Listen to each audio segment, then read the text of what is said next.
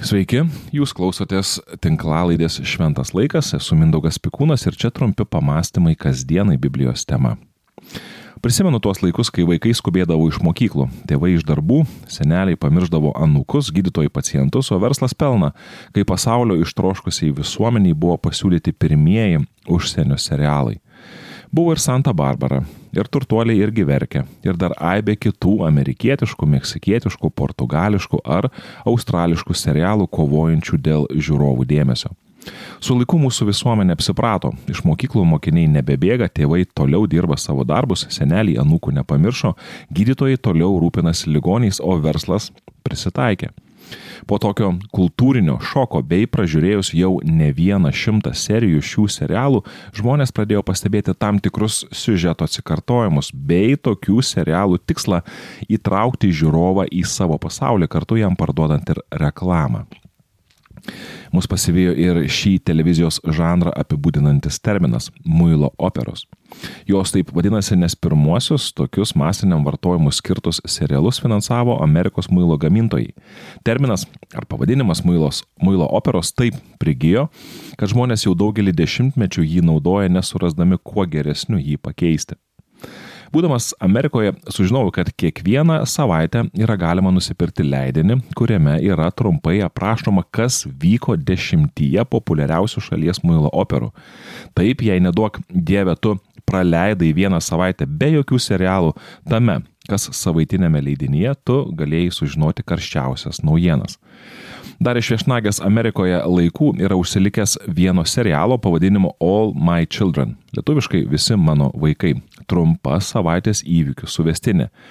Nežinau, ar pavyks jums suprasti, kas yra kas šiame seriale, seriale nes tikėtina, kad nei vienas iš jų iš jūsų ir aš turiu prisipažinti, šio serialo nematėme, tačiau siužetas gali pasirodyti pakankamai nuspėjamas ir ypatingos įžangos galbūt netgi ir nereikia. Taigi, toje apžvalgoje rašoma, kad Džiulija atsiprašė nepagarbiai kalbėjusi su Čarli, kuri nustebo sužinojusi, kad Marija yra jos sesuo. Džiulija guodėsi Čarli, kad Marija per daug kišasi į jos gyvenimą. Dmitrijus perspėjo Kendalą, kad Erikai nepatiks, jei jis sužinos, jog kažkokia mergina ieško Richardo. Čarli atmetė Dmitrijaus prašymą surasti Richardą, tačiau bylą sutiko paimti Heilį. Erika įsiutino, kai grį, Erika įsiuto, kai grįžusi namo pamatė Richardo asmeninius daiktus, kuriuos surinko Kendalas. Heilį melavo Erikai, kad ji niekada kad ji nepadeda Kendalui ieškoti Richardo. Dixi ir Tedas permėgojo vienas su kitu po pokalbio, kuriame paaiškėjo, jog jie vis dar myli vienas kitą. Dixi nuramino Tedą, kad jie nesitikė, jog vardan jos jis paliks Brukį ir Jamie. Apžvalgos pabaiga. Jei jūs pasimetėte klausydami, tai jūs nesate vieninteliai. Muilo operos tuo ir pasižymi, kad ten santykiai yra painiai susipinę ir kad išlaikyti žiūrovų dėmesį juose yra apstu intrigų, įtampos ir santykių peripetijų. Galima, aišku, apie tokius serialus, serialus galvoti, ką nori, tačiau e, vis tik tais reikia pripažinti, jog dažnai tokie lipnūs santykių voratinkliai yra praeisgę ne vieną iš mūsų ir painus įvykių labirintai suklaidino net pačiausius, e, pačius šviesiausius e, mūsų protus ta nesibaigianti serialų pasiūla įkvėpimo gauna dažnai ir tai reikia pripažinti iš realaus mūsų kasdienio gyvenimo.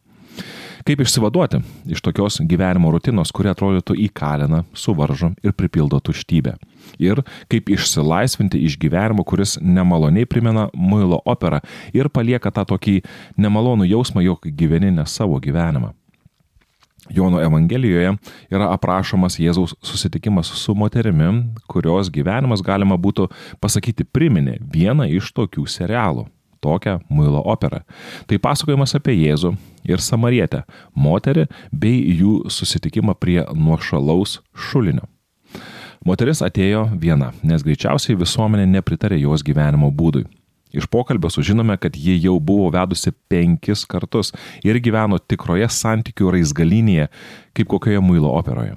Ir Jėzus pasinaudojęs šulinio metaforą pasakė moteriai, kiekvienas, kas geria šitą vandenį ir vėl trokš, o kas gers vandenį, kurį aš duosiu, tas nebetrokš per amžius, ir vanduo, kurį jam duosiu, taps jame versme vandens trykštančio į amžinai gyvenimą. Jono Evangelija, ketvirtas skyrius, 13-14 eilutės. Tai neįtikėtinas pasakojimas.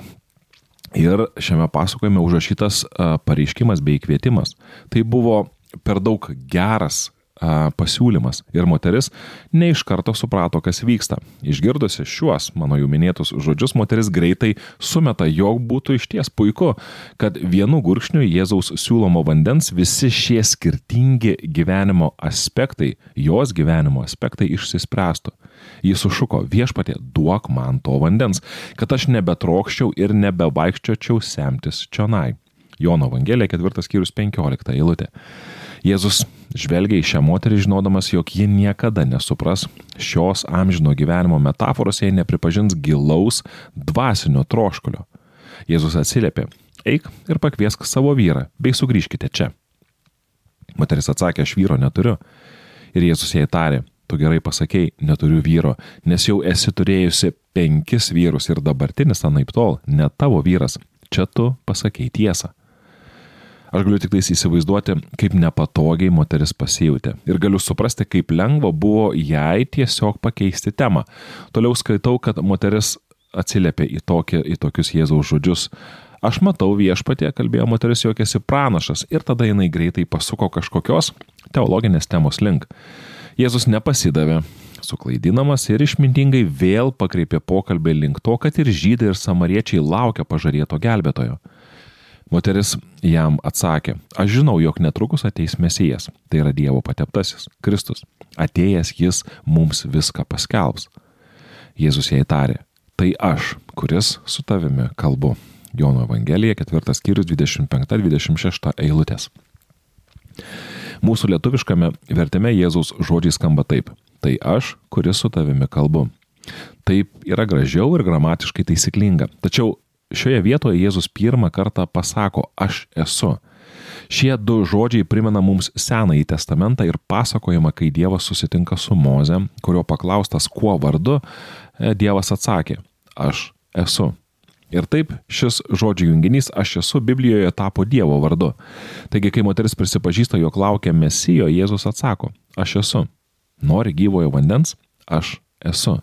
Jėzus lyg ir sako, klausyk, aš esu visa, ko tu ieškai, aš esu visa, ko tu trokšti, aš esu gyvasis vanduo, ateik ir gerk. Kaip jau minėjau, mūsų visų gyvenimai yra unikalūs, autentiški, tačiau nėra tokie jau skirtingi. Aplinkybės gali skirtis, tačiau santykių piešiamas gyvenimo reljefas gali nuspėjamai atsikartoti kiekvieno gyvenime.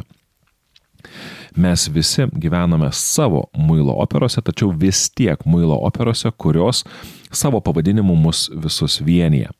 Todėl būtų gana saugu pasakyti, jog esame panašus ir į šią Jono Evangelijoje minimą moterį. Mes vis geriame ir geriame, vis semėmės ir semėmės, tačiau vis trokštame ir trokštame ir todėl vėl semėme ir toliau bandome.